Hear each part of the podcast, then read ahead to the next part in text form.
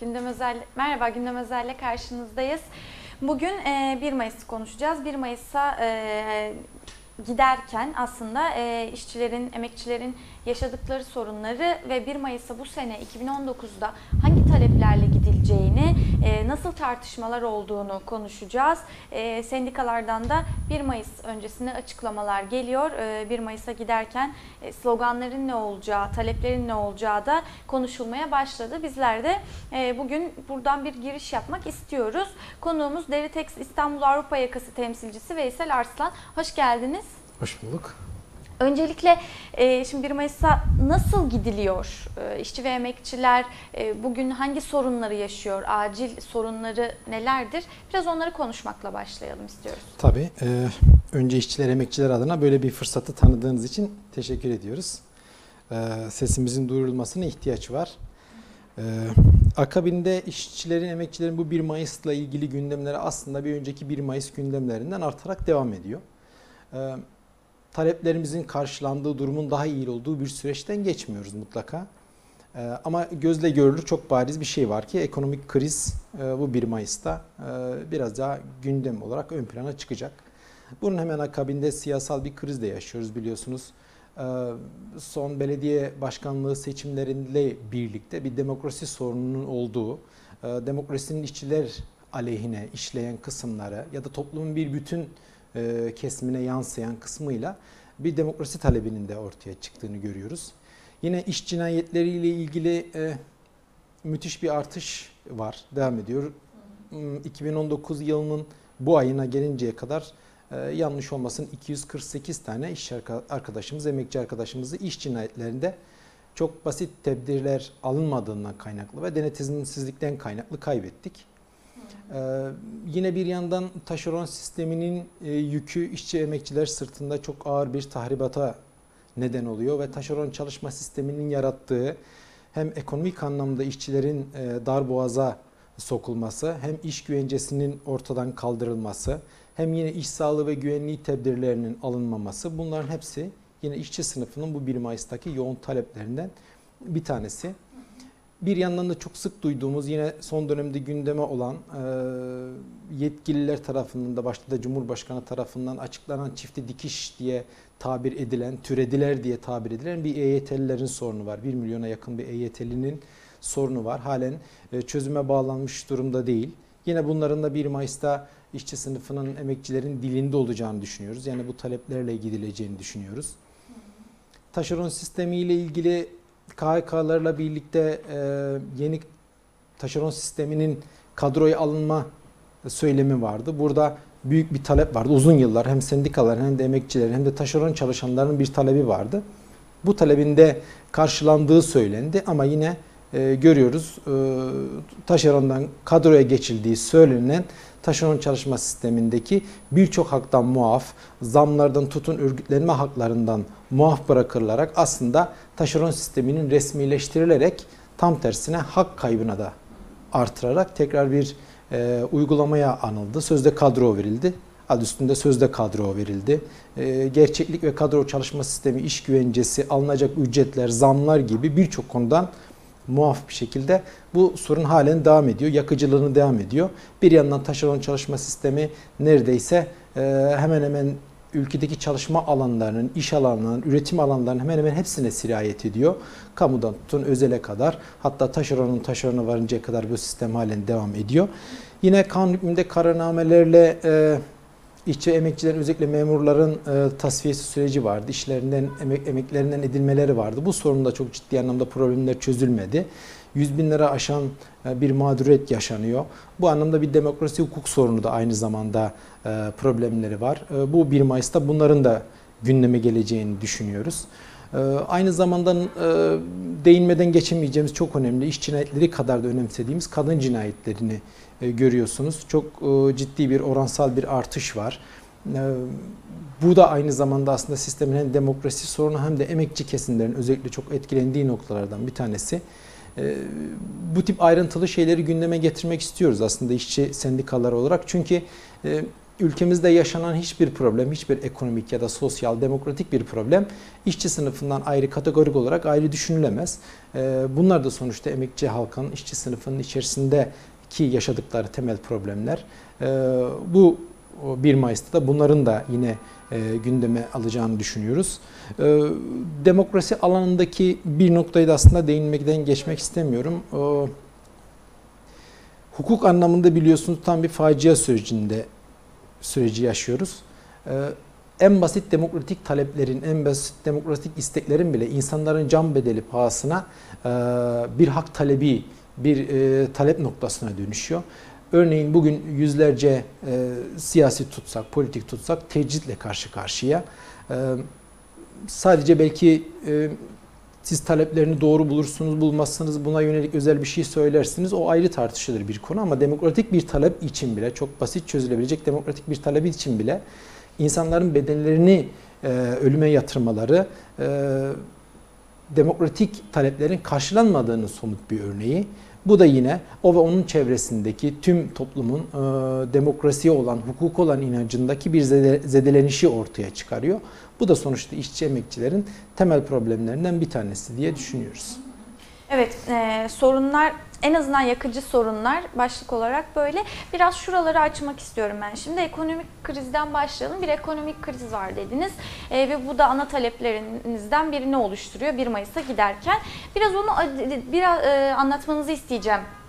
Ekonomik krizden işçiler nasıl etkileniyorlar? E, günlük hayatlarında neler yaşıyorlar? Çalışma hayatlarına nasıl yansıyor bu? E, ne söylersiniz? Evet, en basit hemen çok yakın bir e, örnekten yola çıkarak e, izahat edelim. E, Atatürk Havalimanı'nın taşınması söz konusu biliyorsunuz. Atatürk Havalimanı taşındı. E, bu taşınma sırasındaki e, havalandaki operasyonların büyük bir kısmı durduruldu ve sadece tavla çalışan 4500 işçinin iş hakkı feshedildi. Şu an 4500 işçi sadece havalimanı operasyonuyla birlikte işsiz kaldı. E, bu işverenler tarafından yönlendirilen bir e, ayrı bir tutum. Ama bir yandan da krizle birlikte işverenler de biliyorsunuz konkordalı ilan etmelerle birlikte ekonomik darboğaza girdiklerini söylediler ve tasarruf e, meseleleri gündeme geldi. E, biz biliyoruz ki işverenlerin tasarruf mantığı e, işçi e, fesidir. Yani işçi çıkarmadır. Yani bunun dışında alternatif bir üretim tarzıyla ilgili ya da iş part-time üretim tarzına dönüştürmek yani e, hem hukuk hem de iş yasalarına göre en son tercih edilmesi gereken iş hakkı fesi ilk tercih edilen bir hale dönüşüyor. Ve krizle birlikte e, en büyük sıkıntı, işçi sınıfının ya da emekçilerin yaşadığı en büyük sıkıntı iş e, kaybıdır. İş güvencesinden yoksun çalışma sistemidir. İkincisi, e, zaten aslında asgari ücretle aldıkları, asgari ücretin bugün geçim ve tüketim ve alım gücünün ne kadar düştüğünü biliyoruz. Alınan zamlar karşısında eridiğini biliyoruz. Daha önce de söylemiştik. Bunu zaten asgari ücret 2019 ücreti daha gelmeden %40'ının eridiğini söylemiştik. Alınan enflasyonla göreceli iyi gibi görünen o farkın da 2019'la birlikte start verilen zamlarla e, ne hale geldiğini görmüştük. Yani alım gücündeki çok büyük bir düşüş var. Tabii bu kriz olarak yansıyor. E, artık önceki krizlerden çok daha aslında belirgin bir şekilde mutfağımıza yansıyan bir kriz var. Yani işte biber zammının yüzde e, küsürlerle işte e, yüzde 60 yüzde 70 zamlarla rekor hale gelen bir kısmı var. En çok tükettiğimiz ürünlerden patates, soğan ve benzeri gibi mutfağımızın e, emekçi halkın mutfağının vazgeçilmez ürünlerinin artık 18 TL'lerle 20 TL'lerle etlerle ya da çok böyle bariz almakta çok zorluk çektiğimiz bizim için lüks olan şeylerle yarışır hale geldiğini görüyoruz. Krizin en somut örneklerinden bir tanesi bu. Alım gücünün çok bariz olarak düşmesi, iş hakkının fesi, e, bununla birlikte ortaya çıkan e, duygusal ruh hali. Yani işçi sınıfın iş, işten çıkarılmakta, işçilerin çok ciddi anlamda yaşadığı güvensizlik, yaşama bakışındaki güvensizlik ve bunun etrafında şekillendirdiği birçok problemi de ortakta yaşıyor. Peki ekonomik kriz yani işten atılma kaygısı, korkusu, zaten geçinemiyoruz, zaten işten atmalar arttı e, söylemlerini de düşünürsek eğer işçiler arasında yaygın çünkü bu söylemler. Bunlar örgütlülüğü etkiliyor mu?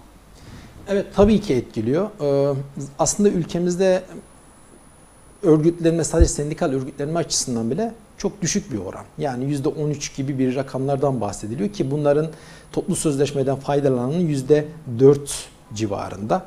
Bu muazzam bir düşük bir rakam. Yani vehamet oradaki yüzdelik diliminden görülebilir. Ee, örgütlemeye de rahatsızlık e, veriyor. Örgütlemek için de bizim için de bir problem. Çünkü zaten hani kriz koşullarından daha önceki dönemlerde örgütlemenin en iyi olduğunu kendimizce parantez içerisinde en iyi olduğu dönemlerde bile aslında sendikal ve örgütlenme üzerine bir e, sıkıntı zaten yaşıyor sendikalar. Yani örgütleme bizim ülkemizde çok rahat bir örgütlenme değil. Yani işte bu demokratik bir haktır, anayasal bir haktır deyip fabrikanın yanına gidip içerisinde çok açık tartışma zaten yürütemiyorduk biz. Ciddi anlamda işveren baskısı, işten çıkarma baskısı e, daha ayyuka çıkmıştı. Şimdi buna bir de e, zaten kriz var, işimizden olacağız korkusu, var olan işe tutunma e, derdi var.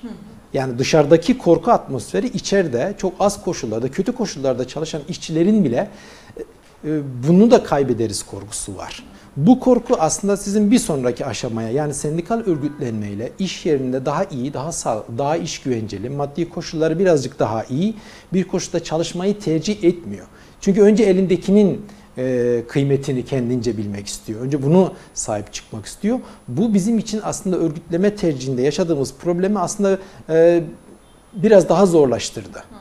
Biraz daha zorlaştırdı. Çünkü biz de bunu anlayışla karşılayabiliyoruz. Belki doğru bulmuyoruz ama anlayışla karşılıyoruz. İşçiler iş haklarının fesi, işsiz kalmanın korkusu ve onun yarattığı sonuçlarla muhatap olmak istemiyor çok haklı olarak. Ee, bir de şimdi ekonomik krizin yanında siyasi bir kriz de yaşanıyor memlekette dediniz. Peki yaşanan siyasi kriz işçi ve emekçileri nasıl etkiliyor? Ya da onların hayatını ne değiştiriyor ki bu siyasi kriz? Ya aslında siyasi kriz e, dolaylı olarak birçok konuda birbirini etkileyen, tetikleyen, zincirleyen şeylerle ilgili. E, bir dem- demokrasi tercihi olarak bir seçim var. Örneğin e, seçimlerde yaşadığınız, bugünkü yaşadığımız e, temel problemler. Yani işte tek adam söylemi, tek adam söyleminin arkasında getirilen e, sistematik uygulamalar, e, işte var olan tercihlerin kabul edilmemesi, bazı şeylerin dayatılması, değiştirilmesi, normal hukuk yasalarının bir bütün olarak işte alandaki bütün seçmen ya da bütün seçmenin tavır olduğu siyasi partilere doğru ve mesafeli yaklaşılmamasından kaynaklı bir kutuplaşma yaratıyor. Şimdi bu kutuplaşma aslında siyasi bir kriz. Bu siyasi kriz de e, toplumun kendi içerisindeki tercih ve hukuku olan inancını, e, hak arama mücadelesini, bir şeyi değiştirip kendi tercihiyle değiştirebilme olgusunu aslında ortadan kaldırıyor. Bu anlamıyla da aslında siyasi krizin yarattığı antidemokratik e, sıkıntılar, antidemokratik uygulamalarla birlikte hukuka ve demokrasiye olan güvenin zedelenmesi hı hı. ve bu da bir bütün olarak işçi sınıfının e, biraz önce söyledik sendikal örgütlenme tercihinin doğru olup olmadığından tutun e, kutuplaşmanın yarattığı e, atmosferle birlikte işçilerin bir yerleri tercih etmesinin farklı, doğruyu tercih etse bile aslında genel söylemden kaynaklı yanlış bir algı ortaya çıkacağı gibi tüm bilincini, siyasal tercihini, demokratik tercihlerini değiştiriyor. Bir yönlendirme, bir kalıplaşma söz konusu. Bu da işçileri, emekçileri etkiliyor. Bu aynı zamanda örgütlenme ve aynı bantla çalışan, aynı fabrikada çalışan, e, farklı siyasal görüşte olan insanların ortak sorunlar üzerinde birleşmesinin önünde de büyük bir engel. Yani e, sömürüye karşı, ortak sömürüye karşı fabrikada ya da iş yerindeki yaşadığı hukuksuzluğa, antidemokratik uygulama, ekonomik ya da işten çıkarma baskısının tutun işte ücretlerin ödenmesindeki sıkıntılar, problemlere karşı ortak adım atmayı da engelliyor. Önce bu kutuplaşma ortadan, ortadan kalkıp ortak hareket etmeli ki e, işçiler sorunlarını da ortak e, güçle daha güçlü bir şekilde çözüm bulabilmeli. E, antidemokratik uygulamanın bir başka yönde toplumdaki kutuplaşma ve sertleşmenin e, an, birbirini anlama kapasitesinin e, biçimini de değiştiriyor.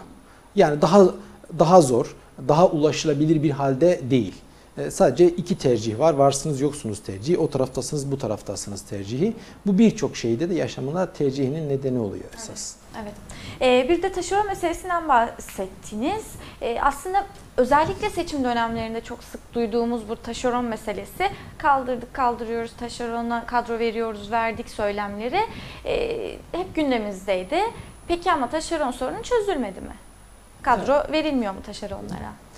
Taşeronlara aslında burada m, birkaç tanımı netleştirmek gerekiyor. Yani kadrolu çalışma sistemiyle taşeron çalışma sistemi arasındaki e, farkın e, bizler açısından ya da kadroya geçen işçiler açısından tanım olarak netleşmesi gerekiyor. Şimdi kadrolular deyince biz biliyorsunuz de- devlette çalışan işte 657'ye tabi e, temel bazı özlük haklarının biraz daha net bir nebze olarak bugünkü taşerondan göre daha göreceli olarak iyi olduğu bir çalışma sistemi vardı.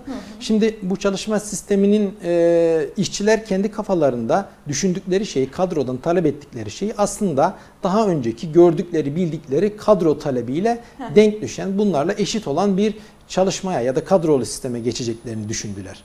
Ama maalesef iş öyle olmadı. Yani buradaki taşeron olarak çalışan e, işçilerimiz, emekçilerimiz üretim yaptıkları ana işverene bağlı olarak bizzat onun kadrosu olarak çalışmadılar. E, orada e, şirketlere yönelik yani e, kadroya geçildiğini söylediğimiz şirketlere yönelik onların alt birimlerinde yeni bir taşeron sistem yani taşeron bir firma kuruldu. Yani aslında e, örneğin belediyede çalışan bir işçi belediyenin kadrosuna bizzat dahil olmadı ve daha önce kendisiyle birlikte kadrolu çalışan, aynı dönemde kadrolu çalışan arkadaşıyla, işçiyle, aynı iş üreten arkadaşıyla aynı haklara sahip olmadı. Ee, bir sistem uygulandı. Yani mevcut olan, var olan taşeron sisteminin biraz rengi değiştirildi, nitelik olarak aynı korundu, rengi değiştirildi. Ee, çok küçük birkaç hamleyle e, e, iyileştirildi gibi göründü ama kadron, ta- taşeron çalışma sistemi aslında mevcut biçimiyle korundu. Hatta biz zam oranları, zam talepleri ve örgütlenme hakkının önündeki e, engeller de çoğaltıldığı için bu aslında eski taşeron sisteminden daha kötü bir hale geldi. Devlet eliyle aslında var olan mevcut taşeron sistem devlet eliyle resmileşti. Taşeron çalışma sisteminin formülü aslında ortaya ge- getirildi. Aldıkları zamlardan tutun örgütlenme hakkıyla ilgili birçok talep e, belirgin olarak değişmedi. Yani kadrolu işçilerin kendi kafalarındaki güvenceli kadrolu çalışma sistemine dahil olmadı. Yani bu hastalık halen artarak devam ediyor diyebiliriz taşeron sistemiyle Evet. ilgili. Bir de kıdem tazminatı meselesi var. Ee, şuradan soracağım onu. Şimdi bugün e, Maliye Bakanı Berat Albayrak yeni bir e, ekonomi programı açıkladı ve ekonomi programında şöyle bir kısım var. Kıdem tazminatı e, fonunu hayata geçireceklerini söylediler. Nasıl söyledi Berat Albayrak bunu? Kıdem tazminatı fonuyla BES'in entegrasyonu planlanıyor. Yeni yapıyla birlikte 5 yılda sistemde biriken fonların milli gelirin %10'unun üstüne çıkacağını öngörüyoruz dedi. E, siz bu gelişmeyi nasıl değerlendiriyorsunuz? Ee, çok şaşırdığımız bir şey değil açıkçası. Bekliyorduk. Bekliyordunuz. Hatta biz e, sendikalar olarak yani bu işi birazcık daha samimi bir şekilde görmek isteyen, okuyan sendikalar açısından seçim sonrasına atılmış bir gündem olduğunu biliyorduk. E, tahminimizde de yanılmadık. E, çünkü biliyorsunuz her iktidar geldiğinde ya da her yeni hükümet değiştiğinde ilk olarak sendikalarla kıdem tazminatını e, bir e, ısıtıp ısıtıp temcit pilavı gibi önümüze sunuyorlar. E, tabii e, bunun zeminini hazırlamak, bilinçsel anlamda zeminini hazırlamak, uygulanabilirliğini, buradaki sendikaların ve işçilerin, emekçilerin tavırlarının e, nasıl olacağını öngörmek, buna yönelik bir nabız yoklamak ve zaman zaman bu periyodik olarak işçi sınıfının gündemine geliyordu. E, bugün yapılan açıklamada da e, düşündüğümüz gibi kıdem tazminatının fona devrinin gerçekleşeceği BES'le entegre, entegrasyonunun gündeme gelebileceği esasında orada belki formül olarak hani besle entegrasyonunda nasıl bir sistematik bir şey uyguluyorlar orada tam görmeden net bir şey söyleyemeyiz ama e, görünen büyük tablonun esas kısmı yine kıdem tazminatının resmi olarak bir biçimde gasp olacak. E, Peki kıdem tazminatı konusu neden sendikalar için kırmızı çizgi ve işçiler için de öyle? Aslında bu e, çok uzun zamandır uzun mücadeleler sonucu kazanılmış bir hak.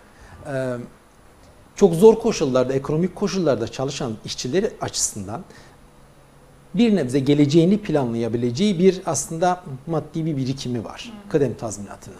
Sonuçta hak edilmiş bir kazanç yani yasal da hukuki boyutuyla da işçinin üretiminden biriktirdiği bir kazanç. Asgari ücretten tutun yani birçok işçinin e, yoksulluk sınırının çok altında çalıştığını biliyoruz.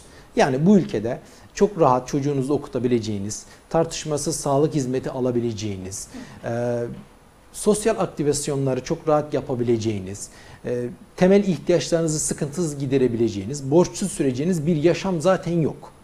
Şimdi bunlar olunca işçilerin, emekçilerin geleceğe yönelik tek aslında yatırım dediği şey, plan dediği şey kıdem tazminatı. Bunun iki temel önemi var. Bir işçi açısından geleceğini planlayabileceği, geleceğini öngörebileceği bir plan yatırımı. İkincisi de işveren açısından da iş hakkının korunması. Yani işçi iş, işveren tarafından çok çabuk bir şekilde hemen iş hakkının feshedilmemesinin e, bir nedeni var. Kıdem tazminatı var bu işçinin. Buna bu kadar yüklü bir para ödeyeceğim. Onun için iş devamlılığını getiriyor. Çok belirgin olmasa da bunun bir kabul edilebilir bir ağırlığı var. Biz sendikalar açısından da örgütleme sahasında da görüyoruz. Bu kıdem tazminatının fonuyla birlikte bu iki temel prensip aslında hem işçiler emekçiler açısından hem örgütlenme açısından hem de işveren açısından bu iki temel prensip hayata geçecek ve e, bu işçiler açısından ciddi anlamda bir e, kıyım. Gelecek anlamda bir gasp. Bizim de örgütlenme e, çalışmamızı, sendikaların da örgütlenme çalışmasının önündeki e, güçlü dayanaklarından bir tanesiydi. Bunu da ortadan kaldırmış olacak. İşveren artık bunun için bunu esas almayacak. E, Maaşını verdiği, birazcık çalıştırdığı, maaşını verdiği bir işçiyi derhal işten çıkarabilecek kıdem tazminatı verme korkusu olmayacak. Bu örgütlemede de bugün e, bizim dayandığımız gerekçelerden bir tanesiydi. Bu bakımdan kıdem tazminatı çok önemli. E, En önemlisi de dediğimiz gibi işçilerin, emekçilerin gelecek için kullanabildiği temel bir plan var. O planın geleceğin aslında elinden alınması kadar önemli diye düşünüyoruz. Evet. Bu bakımdan kıdem tazminatı kırmızı çizgimiz diye tekrar vurgulamak gerekiyor. Evet, evet. Şimdi tüm bu sorunlar sorunlar aslında bunların çözümüyle birlikte talepleri de oluşturuyor, taleplerinizi de oluşturuyor. Peki 1 Mayıs'a giderken bunlar e, daha yaygın bir biçimde dile getiriliyor. Şunu soralım, 1 Mayıs günü alana çıkıldığında, bunlar dile getirildiğinde sorunlar çözülecek mi? 1 Mayıs bir gün. Bir gün bu sorunları çözmeye ya da bunu bir gün dillendirmek çözüm olacak mı? Tabii ki şöyle bunun 1 Mayıs bir çözüm aracı gibi tab- tek başına bütün her şeyi çözen bir mekanizmaya bir gün diye bir düşünmüyoruz. 1 Mayıs'ın kendi içerisinde çok değerli anlamlı ifadeleri var. Bunun birincisi e, bu yaşadığımız işçi sınıfının, emekçilerin yaşadığı temel problemlerin çok güçlü bir şekilde haykırıldığı, bu problemlerde, bu problemlerden muzdarip olanların e, ortak hareket ettiği, bunu bilince çıkardığı bir gün olması açısından önemli. Yani aslında bu sorunu yaratan başta sermaye ve sermaye düzeninin yarattığı siyasi atmosfer ve onun temsilcilerinin işçi sınıfında reva gördüğü yaşam biçimine biz bunlardan rahatsızız. Bunu değiştirmeliyiz. Değiştirebilecek de bir güç meselesinin en büyük somutu aslında 1 Mayıs. Bunu biz şunun için çok istiyoruz. 1 Mayıs tek başına bir değiştirme unsuru mutlaka ki değil. 1 Mayıs'ta 1 Mayıs'ta yaratılan atmosfer, güç, ortak hareket etme kültürünün yaşamın bir bir bütünüyle yaşama var edilmesiyle ilgili bir şey. Sadece 1 Mayıs günü değil, 2 Mayıs'ta, 3 Mayıs'ta, ondan sonraki dönemlerde bu sorunlara doğru bir şekilde sahip çıkarabilmek, örgütlü, birlikte hareket edebilmek, bu sorunların takipçisi olabilmek, çözümcüye kadar mücadelecisi olmak gerekiyor. Sorunlar böyle çözülecek. Yani işçi sınıfından yana daha yaşanılabilir, daha demokratik, daha barış ortamının olduğu, emeğin değerinin doğru bir şekilde ölçülüp değerlendirilip verilebildiği, yani işçi sınıfının e, nefes alabildiği bir yaşam düzeni olmadan tabii ki bu sorun çözülemeyecek.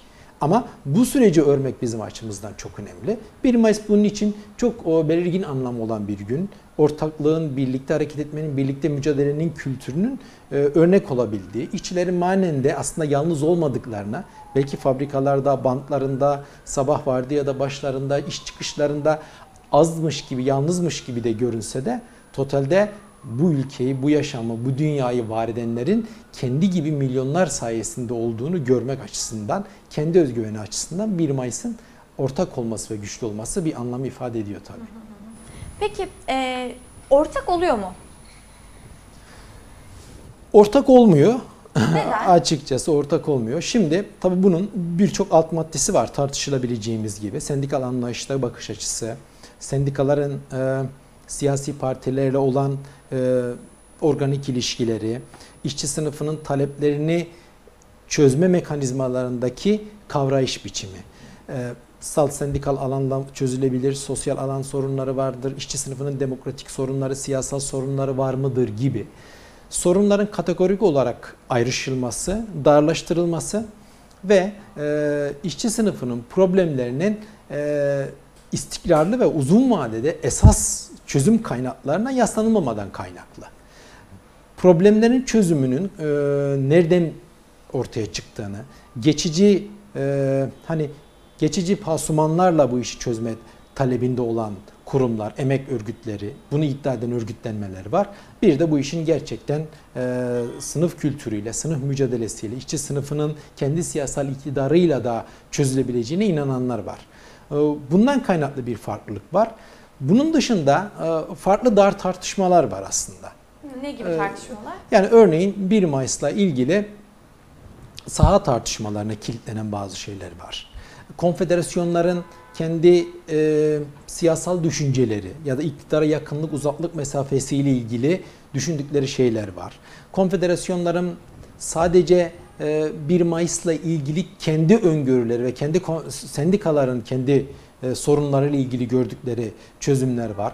Kurumların her birinin 1 Mayıs'la ilgili e, taleplerinde e, aslında ortaklaşan ama kimi ince nüanslarda ayrılan yerleri var. Buralardan ayrışan noktalar var. Bütün bu tercihler aslında işçi sınıfının problemlerini farklılaştırmıyor. Yani siz e, buradaki olan bir gerçeğe burada yok deseniz o yok olmuyor. O bir taraflarda yaşıyor, varlığını gösteriyor. Bunları görüp görmemekle de ilgili. Bu bakımdan e, ayrışma noktaları biraz da işçi sınıfının bu gücünü aslında bölüyor. Peki şimdi m, İstanbul'da geçen e, gün bir açıklama yapıldı. E, Türk İş Disk ve Hak İş'e bağlı sendikaların İstanbul Şube Platformları ortak bir açıklama yaptınız ve dediniz ki e, İstanbul'da, emeğin başkenti İstanbul'da 1 Mayıs'ta e, ortak bir şekilde alanlarda olmaya çağrı yapıyoruz dediniz. E, şimdi İstanbul'da 1 Mayıs'ı kutlayacak e, sendikalar neler bu belli mi? Kimler? Şimdi burada aslında e, birkaç konfederasyon nezdinde ayrışan şeyler var. E, 1 Mayıs bizim zaten çağrımızın de- derdimiz de biraz oydu. E, problemlerimiz ortak. Ortaklaşacağımız milyonlarca neden varken ayrışabileceğimiz e, çok az nedenle o nedenlere de sığınarak ki kaldı ki bu nedenler de aslında e, kurumların ya da kurum temsilcilerinin olaylara bakış açısından kaynaklanıyor. Ya- Yoksa sorunun kökenini değiştirmiyor. Ortaklaşacağımız binlerce, milyonlarca neden varken, işçi sınıfının çok büyük sıkıntıları, çok büyük dertleri varken, e, var olmadan, canını korumadan, işte iş güvencesinden, geçim sıkıntısından, krizin etkileri gibi çok büyük temel nedenler varken e, birleşmeyi, bu konuda adım atmayı, ortaklaşmayı çağırdık. Konfederasyonların farkı olması bizim açımızdan çok önemliydi. Bunu da kısmen başardığımızı düşünüyoruz. Yani aslında istenilse bu somut olarak hayata geçilen bir örnek. Birlik olunabilir. Ortak hareket edilebilir. Konfederasyon farklı olabilir. Emek örgütlerinin başka başka söylemleri, talepleri de olabilir ama hangi talep olursa olsun işçi sınıfından çıkan, emekçilerden çıkan demokratik, siyasal, e, ekonomik hangi biçimde olursa olsun bu talepleri ortaklaştırabilecek bir nokta var. O da aslında bizim taleplerimizi doğru bir şekilde tanımlamamızla ilgili. Biz bunu tanımladık ve bunu ortaya çıkardık. Bu işçi sendikalar şubeler platformu aslında bu işe yarıyor. Bir mesaj. Doğru olabileceğinin bir örneklemi. Bu örneklemden yola çıkarak bu işi büyütme derdimiz. Biraz daha genişletme. Ama tabii e, bizimki daha uzun vadeli bir mücadele ve bir örneklem ve bir istek, bir dilek. Bunu da hayata geçirmek için mücadele ediyoruz sendik kardeş sendikalarımızda. Onun dışında örneğin işte Hak İş Sendikası var. Ee, Bugün siyasi iktidar neredeyse ne derse ekonomi paketinden tutun işçilerle ilgili ne derse hemen hemen birlikte hareket ediyor. İşte kıdem tazminatının fonunu destekleyebiliyor. Ya da örneğin işçilerin, işçi sınıfının birlik mücadele günü, dayanışma gününde ortak bir tartışmadan çok kendi konfederasyonunda karar veriyor. Bazen Konya'ya gidiyor, bazen Sakarya'ya gidiyor gibi kendi talebini tamam kurumsal bir talep. Yani sınıfın derdi aslında onun için çok bir şey yok. Sadece üyesi olduğu işçilere yönelik kendi e, düşüncesini, fikriyatını ortaya çıkarıyor. Onun dışındaki e, üyelerle ilgili çok kaygısı yok. Yine KESK ve DİSK ile ilgili bir eleştirimiz var. E, KESK ve DİSK yıllardır İstanbul'un sahibiymiş gibi, İstanbul'daki 1 Mayıs'ın sahibiymiş gibi davranıyor. E, içinde mücadele eden, çok iyi mücadele veren sendikalarımız, arkadaşlarımız e, var mutlaka. Bununla ilgili bir tartışma olacak ama esas işin büyük tablosunda KESK ve DİSK'in de e, İstanbul 1 Mayıs'ın sahibi, sahibiymiş gibi davranmasına da gerek yok. Ee, burada ortaklığı mümkün mertebe üste çıkarmak gerekiyor. Bu tartışma için mücadele vermek gerekiyor. Bu sahiplik eleştirisini nereden yapıyorsunuz? Yani örneğin bir Yani İstanbul Bir yola evet, çıkarak? evet şuradan yola çıkarak yapıyoruz. Mesela biz Türk İş Konfederasyonu'na bağlı bir sendikayız. Uzun yıllardır da özel, son, özellikle son 4-5 yıldır da diyelim. Ondan dışında İstanbul Bir Mayıs'ında ortak bir talepte herhangi bizle ilgili bir görüşme falan, ortaklaşma, konfederasyonlara çağrı falan olmasa bile farklı konfederasyonlar olsa bile deri tekst olarak, eskiden de deriş olarak ortaklığı esas alarak 1 Mayıs'ta tek bir alanda oluşmanın, olmanın gerekliliğini düşünerek oraya kendimizi katıyorduk. Ama e, Örneğin başka konfederasyonlarla ilgili KESK'e, DİSK'in çok özel bir çağrısı yok. Ya da emek örgütlüklerine emek- örgütlüklerine çağrıları yok. Yani m, dörtlü sacaya dediğimiz bu dörtlünün e, ortaklaşa bir 1 Mayıs çağrısı var, toplantısı var. Aslında bakarsanız kararlar daha önceden alınıp uygulanan bir kararlar. Bunu topluma yedirme, emek örgütlüklerine yedirme, emek örgütlerinde siyasal ve örgütsel güçsüzlüğünden kaynaklı da tabi olma meselesi var. Ee, örneğin örnek verelim en basitinden. Geçen yıl bu toplantılara biz deri tekst olarak da dahil olmak istedik ama e, bir davet, bir çalışma, herhangi bir toplantı, diğer konfederasyonlara özel bir davet, tartışma toplantıları falan çağrıları hiç olmadı. Karar verildi. 1 Mayıs burada olacak denildi ve e, 1 Mayıs alanlara e, diye belirledikleri yerlere çağrıldı. Örneğin biz e, kent suçlarının işlendiği yerlerde 1 Mayıs'ı çok doğru bulmuyoruz. Mesela Yeni Kapı, Doldurulma, Maltepe'deki alanlar. Bunlar aslında kent suçlarının olduğu yerler. Doğanın Peki taran edildiği yerler. öneriyorsunuz? Biz aslında tabii ki Taksim talebimiz biz e, Taksim'den vazgeçmiş değiliz. Bu öyle anlaşılmasın. E, ama bizim bundan da önce tartışmamız gereken bir nokta vardı. Birleşik güçlü bir Mayıs. Yani her alanda, her yerde bir Mayıs. Örneğin İstanbul'da, İstanbul'da tek bir Mayıs. Birlikte ortak güçlü bir Mayıs talebimiz var. Bu bizim talebimizin aslında belirleyici noktası, belirleyici unsuru bu.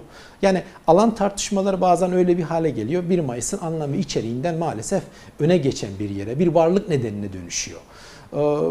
Buna karşı eleştirilenler de var. Yani Taksim'den vazgeçildi gibi bir heyula yaratılanlar da var. Öyle bir durumda da değiliz aslında. Yani biz Taksim'den vazgeçmiş değiliz. Taksim'in değerini yatsımış da değiliz. Ama siyasal atmosfer, dönemin konjonktürel durumu, e, burada emekçilerin, işçilerin örgütsüzlüğündeki, e, örgütlenmelerindeki gerilik bunların hepsi düşünüldüğünde esas noktanın e, tartışma noktasının kaçırıldığını düşünüyoruz.